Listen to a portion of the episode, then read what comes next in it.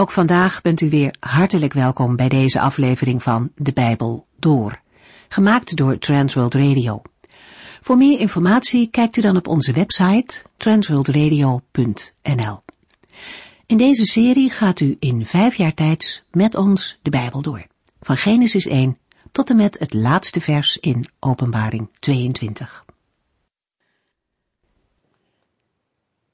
Gelukkig zijn of gelukkig worden dat staat hoog op het verlanglijstje van veel mensen. En wie arm is, denkt dat daar veel geld voor nodig is. En wie eenzaam is, verwacht het van andere mensen.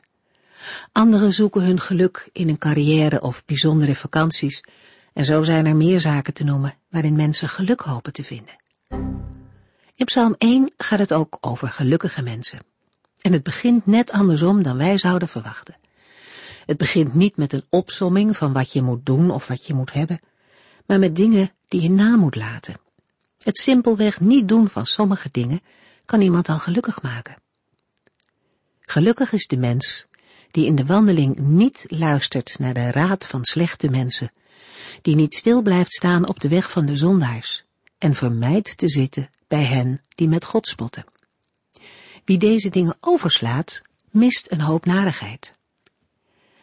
In het eerste vers worden drie stadia genoemd wandelen, stilstaan en zitten. En hiermee wordt de totaliteit van het leven omschreven. En daarnaast zit er ook een opklimming in.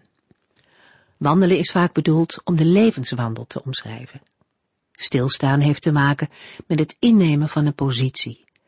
En met zitten wordt ergens thuis horen bedoeld. Wie leeft, of anders gezegd, wie door de wereld wandelt, komt ook met verkeerde dingen in aanraking dan komt het erop aan om een keuze te maken. Blijf je daarbij stilstaan of loop je door? En nog een stap verder is het om te gaan zitten en daar helemaal in op te gaan. Deze psalm laat twee wegen zien die een mens kan gaan. Het gaat verder met de zegen die iemand krijgt wanneer hij zich richt op God en op Gods woord. Daarin ligt innerlijke vrede, blijdschap, sterkte en hoop.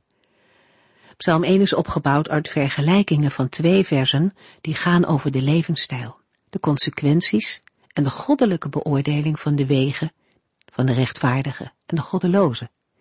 Deze psalm is te zien als een inleiding op het hele boek van de psalmen. Psalm 2 is het eerste voorbeeld van de koninklijke psalmen. Composities die met de koning van het hele koninkrijk Israël of het latere Juda te maken hebben. Deze psalmen maken ons duidelijk hoe de koningen hun positie en hun taak zagen. Ook worden we deelgenoot van hun hoop. Deze psalmen werden in de loop van de tijd ook beschouwd als messiaanse psalmen. Wat de menselijke koningen van Israël en Juda niet konden bereiken, zou de Heere verwezenlijken door zijn Messias. Het woord Messias betekent gezalfde en wordt in het Oude Testament hoofdzakelijk gebruikt als aanduiding van de gezalfde koning. Als eerste koning wordt Saul gezalfd. Daarna gebeurt dat bij David en zijn zoon Salomo. De namen van deze twee, David en Salomo, zijn verbonden geraakt met latere messiaanse verwachtingen, zoals we die bij de profeten tegenkomen. Jezaja en Micha voor de ballingschap en Zacharia na de ballingschap.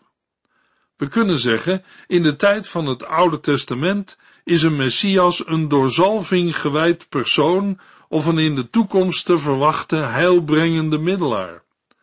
De zalving duidt op de gave van de Heilige Geest die kracht geeft om de bijzondere taak te kunnen uitvoeren. In het Nieuwe Testament wordt verkondigd dat Jezus de verwachte Messias is. De Messias wordt in het Nieuwe Testament met het Griekse woord Christus, dat is gezalfde, aangeduid. Net zoals bij Psalm 1 vinden we ook bij Psalm 2 geen opschrift of een indicatie van een dichter. In het Nieuwe Testament wordt door Petrus David als auteur genoemd. En de psalm past inhoudelijk goed in de tijd van koning David.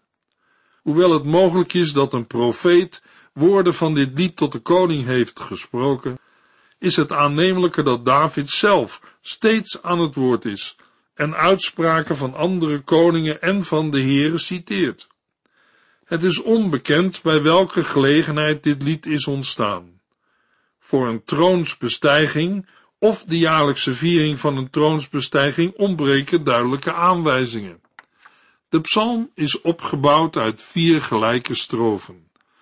Een internationale samenzwering, vers 1 tot en met 3, Gods reactie, vers 4 tot en met 6, het verbond met de koning, vers 7 tot en met 9, en een oproep aan de volken, vers 10 tot en met 12. Er is een duidelijke opbouw en patroon te ontdekken, waarin het begin en het slot van het lied op elkaar aansluiten. De psalm wordt gekenmerkt door parallelisme, dat wil zeggen dat wat in de eerste regel wordt gezegd, wordt herhaald en versterkt in de volgende regel. In Psalm 2 zijn daarbij nog een aantal bijzonderheden. De versen 1 en 2 hebben een extra regel aan het eind van vers 2, tegen de Heere en zijn gezalfde. Dit brengt de strofe tot een climax. Verder worden de versen 7 tot en met 9 geïntroduceerd met de woorden, ik zal de eeuwige bedoeling van de Heere bekendmaken. Ook vers 8 wordt ingeleid met de woorden, vraag mij wat je wilt. Ten slotte wordt vers 11 besloten met de woorden, val voor zijn zoon op uw knieën, kus hem. En vers 12 met de woorden, zij die hun vertrouwen op hem stellen, zijn gelukkige en gezegende mensen. De Hebreeuwse tekst van de Mazoreten ziet de laatste woorden van vers 11 als het begin van vers 12. Zo staat het ook in de meeste Nederlandse Bijbels. De tamelijk korte regels verhogen de dramatiek die in de psalm tot uiting komt. Psalm 2, vers 1. Wat zijn de ongelovige volken toch dwaas om tegen de Heere op te staan? Het is onbegrijpelijk dat deze mensen proberen God te slim af te zijn. In de Hebreeuwse tekst begint de psalm met een retorische vraag. Waarom woelen volkeren en natieën en overdenken leegheid? Het plaatst ons direct in het midden van de zaak. Waarom zinnen de volken en natieën op iets dat vergeefs is? In het vervolg zal de vijandschap blijken. Het woelen, het onrustig zijn wijst hier op het beramen van negatieve plannen. Net zoals in Psalm 38 vers 13 en Spreuken 24 vers 2. Het overdenken van leegheid wordt in de vertaling van het boek aangegeven met proberen God te slim af te zijn. Hetzelfde lezen we in Psalm 4 vers 3, waar de Heere vraagt, mensenkinderen, wanneer houden jullie ermee op mijn eer te grabbel te gooien, door levenloze afgoden te aanbidden? Hoe lang blijven jullie nog zinloze dingen najagen? Het is allemaal bedrog. In Habakkuk 2 vers 13 sloven de goddeloze volken zich te vergeefs uit. Maar Jesaja 65 vers 23 noemt het tegenovergestelde voor het volk Israël. De ongelovige mensen proberen de Heere te slim af te zijn. Tot op de dag van vandaag blijft dat doorgaan, maar het zal nooit lukken. Het is een nutteloze, lege en een onzinnige actie. Psalm 2 vers 2 de machthebbers van deze wereld hebben hun hoofden bijeengestoken en de leiders spannen samen tegen de Heere en zijn gezalfde. Met vers 2 wordt verder gekeken dan een conflict met naburige vazalstaatjes als Aram of Edom. Het wereldwijde perspectief heeft te maken met de goddelijke belofte die in vers 8 staat. Verzet tegen de koning in Jeruzalem is ook opstand tegen de Heer en daarmee godsdienstig van aard. Het is de Heer die zijn gezalfde heeft aangesteld. De zalving symboliseert de goddelijke aanstelling en ook de toerusting voor deze taak. In latere tijd wordt gezalfde de aanduiding van de grote koning van de toekomst, de Messias. Maar tegen de Heer en zijn gezalfde kan een opstand nooit succes hebben. Dat het in deze psalm niet alleen gaat om een gebeurtenis uit de tijd van de dichter, blijkt ook uit Handelingen 4, waar de apostel Petrus psalm 2 citeert. Handelingen 4, vers 26 tot en met 29. De machthebbers van deze wereld hebben hun hoofden bijeengestoken en de leiders spannen samen tegen de Heer en zijn gezalfde. Dat is nu precies wat hier in Jeruzalem gebeurt. Herodes en Pontius Pilatus hebben samen met de volken van Israël en Rome de handen ineen geslagen om te strijden tegen uw dienaar Jezus. Kijk, heren, hoe zij dreigen. Geef uw knechten vrijmoedigheid om te zeggen wat u hun opdraagt. Er wordt samengespannen tegen God de Vader en zijn Zoon Jezus Christus. Het is de eeuwen door al een complot, een sneeuwbaleffect, wat uiteindelijk uitmondt in een wereldwijde opstand tegen de Heer en zijn gezalfde. Iets van dit wereldwijde verzet tegen de Heere vinden we terug in de gelijkenis van de zaaier in Matthäus 13. De Heer Jezus zei dat Hij zelf de zaaier is en dat Hij zaad in de wereld zaait. Toen kwam een vijand en zaaide onkruid tussen het ingezaaide zaad. De knechten willen het onkruid dat de vijand heeft gezaaid en is opgekomen eruit trekken. Maar de Heere zegt, laat ze maar samen opgroeien tot de oogst. Dan zal ik tegen de maaiers zeggen dat ze eerst het onkruid bijeen moeten halen en verbranden. Daarna kunnen zij het graan in de schuur brengen. Ook vandaag wordt het zaad van het evangelie van Jezus Christus gezaaid. Maar er groeit ook onkruid. Er is een groeiende weerstand tegen de Heer en zijn gezalfde, Jezus Christus. Psalm 2 vers 3 Kom op, zeggen zij, laten wij onze boeien verbreken en onszelf bevrijden uit deze slavernij van God. Het verzet van de volken wordt aangeduid door de beeldspraak dat boeien worden verbroken en touwen worden afgeworpen. Machthebbers en volken willen zich bevrijden uit de slavernij van God. Zij zien de dienst aan de Here als een juk, als een slavernij waaruit zij zichzelf moeten bevrijden. Daarbij gaat het om volken die al verzal zijn. Ze zijn al onderworpen aan de Here. In wezen geldt dat voor alle volken en mensen, want iedereen is verantwoording schuldig aan de Here. Voor een gelovige klinken de woorden boeien en slavernij met betrekking tot de Here absurd in de oren. Als een mens de Here mag kennen, dan zijn Gods regels geen boeien, maar leefregels. Uit dankbaarheid en tot eer van de Heere zal een gelovige zijn woord naleven en volgen. Het dienen van de Heere is ook geen slavenjuk of wordt door een gelovige als zodanig ervaren. Jezus zelf zegt dat zijn juk zacht is en zijn last licht. Matthäus 11 vers 30 Wat ik van u vraag is nooit te zwaar en de last die u voor mij moet dragen is licht.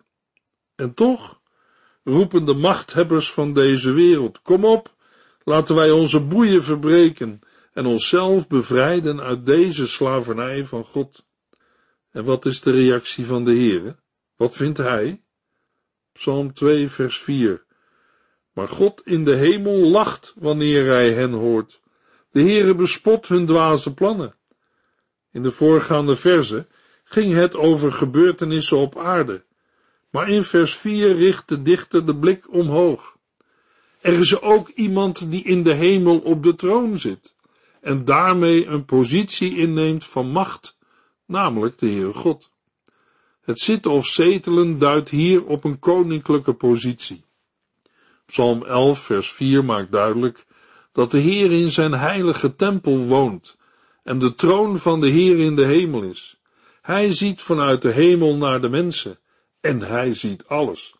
Hij ziet wat er gebeurt. Hij lacht erom en bespot de opstandelingen met hun dwaze plannen. Het lachen van de Heer wordt ook genoemd in Psalm 37 vers 13 en Psalm 59 vers 9. Maar zij die ontzag voor de Heer hebben, zullen zich anders opstellen. Een mens die heeft ontdekt hoe klein hij zelf is en hoe groot de Heer is, in zijn macht en majesteit, zal geen grote mond opzetten tegen zijn schepper. Hij zal voor hem buigen in verwondering en ontzag. Psalm 2 vers 5 God zal hen in zijn toorn aanspreken. Zij zullen voor hem van angst ineenkrimpen. De koningen worden niet serieus genomen in hun pogingen. Zij kunnen de hemelse heerschappij van de Heeren niet aantasten. Daarom spreekt God in zijn toren en verschrikt hij in zijn boosheid. Zij zullen voor hem van angst ineenkrimpen. De daden van de koningen roepen Gods toorn op. De Heere straft hen nog niet direct, maar noemt de bijzondere status van de koning in Jeruzalem. Psalm 2 vers 6 Dit is de koning die ik heb aangesteld, verklaart de Heere dan, en ik heb hem in Jeruzalem, mijn heilige stad, een troon gegeven. De woorden dit is de koning die ik heb aangesteld, laten zien aan welke kant de Heere staat. De vijanden zullen ervaren wat dit inhoudt. Jeruzalem, Sion is de plaats waar de koning troont, in Gods heilige stad, en waar David ook de ark heeft laten plaatsen. De Heer Jezus is naar de aarde gekomen met een duidelijk doel. We lezen in Hebreeën 2, vers 10, het was juist en goed dat God, die alles ter wille van zichzelf heeft gemaakt, Jezus heeft laten lijden, waardoor vele van zijn zonen in zijn heerlijkheid konden delen. Door zijn lijden is Jezus hun volmaakte leider geworden, de enige die hen kon redden. Maar de Heer heeft nog een ander doel. Hij verklaart, dit is de koning die ik heb aangesteld en ik heb hem in Jeruzalem, mijn heilige stad, een troon gegeven. De troon van David staat niet in de hemel, maar op aarde. De grote zoon van David, Jezus Christus, zal op de troon van David, die de Heer hem heeft gegeven, in Jeruzalem, Gods heilige stad, voor altijd regeren. De Heere is in de hemel, maar hij woont op de Sion. Hij voert zijn plan uit en niets kan hem doen stoppen. Zijn plannen falen niet. Psalm 2 vers 7 De uitverkorene van de Heere antwoordt vervolgens, ik zal de eeuwige bedoeling van de Heere bekendmaken, want hij heeft tegen mij gezegd, jij bent mijn zoon, ik heb je vandaag het leven gegeven. Nu neemt de koning, de uitverkorene van de Heere, zelf weer het woord, en hij herinnert aan de verordening die hij van de Heere heeft ontvangen. Deze goddelijke verklaring moet hebben geklonken bij de aanvang van zijn koningschap, of toen het koningschap op de Sion werd gevestigd. Het is aannemelijk dat David bij zijn installatie in Jeruzalem, Sion, ook een dergelijke boodschap heeft ontvangen, rechtstreeks of door een profeet. De koning kreeg te horen dat hij Gods zoon is, op die dag verwekt. Dezelfde woorden, vader en zoon, staan ook in 2 Samuel 7 vers 14, om de relatie tussen God en de koning aan te geven. In dat geval betreft het Salomo en andere nakomelingen van David. De koning is een regent die regeert in het gebied van zijn hemelse vader, bekleed met zijn gezag. De woorden jij bent mijn zoon zijn een verklaring van adoptie. Hiermee ontvangt de koning een bijzondere status. In het Nieuwe Testament wordt dit vers geciteerd met het oog op Christus.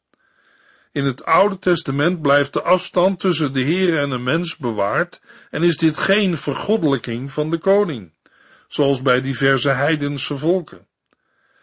In het Oude Testament is er geen absolute scheiding tussen koning en volk. De koning blijft mens en kan aangesproken worden op zijn fouten en zonden, bijvoorbeeld Nathan ten opzichte van David.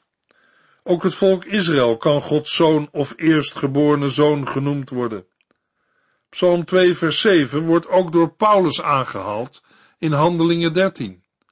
Paulus spreekt dan over de opstanding van Jezus Christus uit de dood. Handelingen 13, vers 32 en 33. Wij brengen u het goede nieuws, dat de belofte die God lang geleden aan onze voorouders heeft gedaan, in onze tijd werkelijkheid is geworden. God heeft die belofte vervuld door Jezus weer levend te maken. Dat komt overeen met wat in de tweede psalm staat. Jij bent mijn zoon, ik heb je vandaag het leven gegeven. Het gaat hier niet om de geboorte van Christus, maar om zijn opstanding. Psalm 2, vers 8. Vraag mij wat je wilt, en ik zal je alle volken in bezit geven. Dan volgt de belofte waar het in deze psalm om te doen is. De heerschappij over de volken is aan de koning van Sion toegezegd. De koning ontving het goddelijke aanbod, vraag mij wat je wilt, en ik zal je alle volken in bezit geven. In het Oude Testament staan wel beloften over overwinningen op vijanden, maar hier is voor het eerst sprake van een wereldwijde regering. In Psalm 72 komt een overeenkomstige wens voor. Met alle volken worden ook de gebieden ver weg bedoeld. Het koninkrijk van David en Salomo heeft zich niet verder uitgestrekt dan tot de Eufraat. Het perspectief van deze tekst is nooit vervuld onder een koning van Israël. Deze bijzondere belofte is geworteld in het feit dat de Heere, de God van Israël, ook de schepper van de hele aarde is. Zijn wereldheerschappij is de bron van deze gedachte aan de wereldheerschappij van de uitverkorene van de Heere, van Sions koning. Daarom verwijst de belofte in deze psalm naar de grote koning van de toekomst. Psalm 2 vers 9 Heers over hen met een ijzeren vuist, verbrijzel hen alsof het potten van aardewerk zijn. De opstandelingen, waarvan eerder in de psalm sprake was, zullen de hardhandige heerschappij van Sions koning ervaren. Hij kan of zal hen met een ijzeren vuist verpletteren en stuk slaan als aardewerk. Uit de volgende verse blijkt dat de bedoeling van deze uitspraak is dat dit geweld niet nodig is, maar dat de machthebbers zich zullen onderwerpen. Luisteraar, denk niet, dat gaat mijn deur wel voorbij. Die dag zal komen. In Handelingen 17 vers 31 verkondigt de apostel Paulus dat aan de mannen van Athene. Want hij, God, heeft een dag vastgesteld waarop hij rechtvaardig over de mensheid zal oordelen, door een man die hij daartoe heeft aangewezen. Om iedereen te garanderen dat hij zijn woord zal houden, heeft hij die man uit de dood laten terugkomen. Ook vandaag moeten wij ernst maken met deze boodschap. Zonder de Heer Jezus Christus te kennen als persoonlijke heiland en verlosser, gaat een mens voor eeuwig verloren. Het maakt niet uit wie u bent of waar u vandaan komt. Er is geen kerk of gemeente die dit heeft bedacht. Het zijn woorden van de levende God zelf. Ik moedig u aan Gods woord serieus te nemen. Psalm 2, vers 10 tot en met 12. Wees daarom verstandig koningen en heersers van deze aarde, en luister nu het nog kan. Dien de Heere met eerbied en ontzag, verheug u in hem met een bevend hart. Val voor zijn zoon op uw knieën, kus hem, want als binnenkort zijn toorn ontbrandt, bent u verloren. Zij die hun vertrouwen op hem stellen, zijn gelukkige en gezegende mensen. De koning neemt zelf weer het woord en spreekt de opstandige koningen en heersers toe. Ze ontvangen een waarschuwing. Luister, nu het nog kan. Na deze algemene oproep volgen er drie concrete opdrachten. Dien de Heere met eerbied en ontzag, verheug u en hem en kus de zoon. De vertaling van de laatste woorden heeft voor heel wat discussie gezorgd, maar inhoudelijk past de gangbare weergave goed. De opstandige koningen en heersers worden opgeroepen neer te knielen en de voeten van de koning te kussen als teken van onderwerping. De koningen en heersers krijgen deze aansporing, zodat de zoon niet toornig wordt en zij verloren gaan. De psalm sluit positief af. Zij die hun vertrouwen op hem stellen, zijn gelukkige en gezegende mensen. In andere vertalingen lezen we Welzalig allen die bij hem schuilen. Schuilen houdt ook in vertrouwen op iemands bescherming. Op andere plaatsen in de Bijbel wordt het uitgewerkt als schuilen onder vleugels. Ook wordt het beeld van een rots en schild gebruikt. Sions koning, en dus ook zijn God, bieden een schuilplaats waarin een mens veilig is. De zegen die Abraham voor de volken zou verkrijgen, is geen hoofdthema in het eerste hoofdboek, maar wel in Psalm 2. Naarmate we verder komen in het psalmboek, wordt het thema gaandeweg belangrijker. Onder meer in de vorm van Gods macht over de hele aarde. De rol van wereldheerser is nooit daadwerkelijk door David of Salomo vervuld. Deze rol hoort bij de Heere als de schepper van alle dingen. Wat God doet met Israël en Juda weerspiegelt zijn doel voor de hele wereld, namelijk dat alle volken hem zullen erkennen. Psalm 2 geeft aan dat de Heere de belangrijkste en de machtigste is, en niet de grote wereldmachten met hun strijd. De Heere dringt aan op onderwerping, maar is ook bereid geweld te gebruiken om volken neer te werpen. De Israëlieten die deze psalm zongen waren nooit een supermogendheid. Een groot deel van hun geschiedenis waren ze een vazalstaat of een provincie onder buitenlandse overheersing en macht. De psalm belooft dat dit niet altijd zo zal blijven. Na het verdwijnen van het koningschap in de periode van de ballingschap bleef er uitzicht op een toekomstige koning, zoals beloofd in Jesaja 9 en 11. Psalm 2 wordt in het Nieuwe Testament betrokken op Christus en zijn gemeente. In een postchristelijke wereld heeft de westerse cultuur de banden van het christelijk geloof afgeschud. Maar Psalm 2 belooft dat het niet het laatste deel is van onze geschiedenis. Daarom nodigt de Heer Jezus ook u en jou uit om Hem te volgen. In de volgende uitzending lezen we Psalm 3 en 4. U heeft geluisterd naar De Bijbel Door, in het Nederlands vertaald en bewerkt door Transworld Radio. Een programma waarin we in vijf jaar tijd de hele Bijbel doorgaan. Als u wilt reageren op deze uitzending of u heeft vragen, dan kunt u contact met ons opnemen. Tijdens kantooruren kunt u bellen op 0342 47 8432. 0342 47 8432. Ook kunt u een e-mail sturen naar de Bijbel transworldradio.nl en natuurlijk kunt u ook via de post ons bereiken. TWR, postbus 371, postcode 3770, AJ in Barneveld. Dit programma werd gepresenteerd door Cor Weda en Ike André. Techniek was in handen van Odin van Voorkom. En wij allemaal bedanken u voor het luisteren. Graag tot de volgende keer.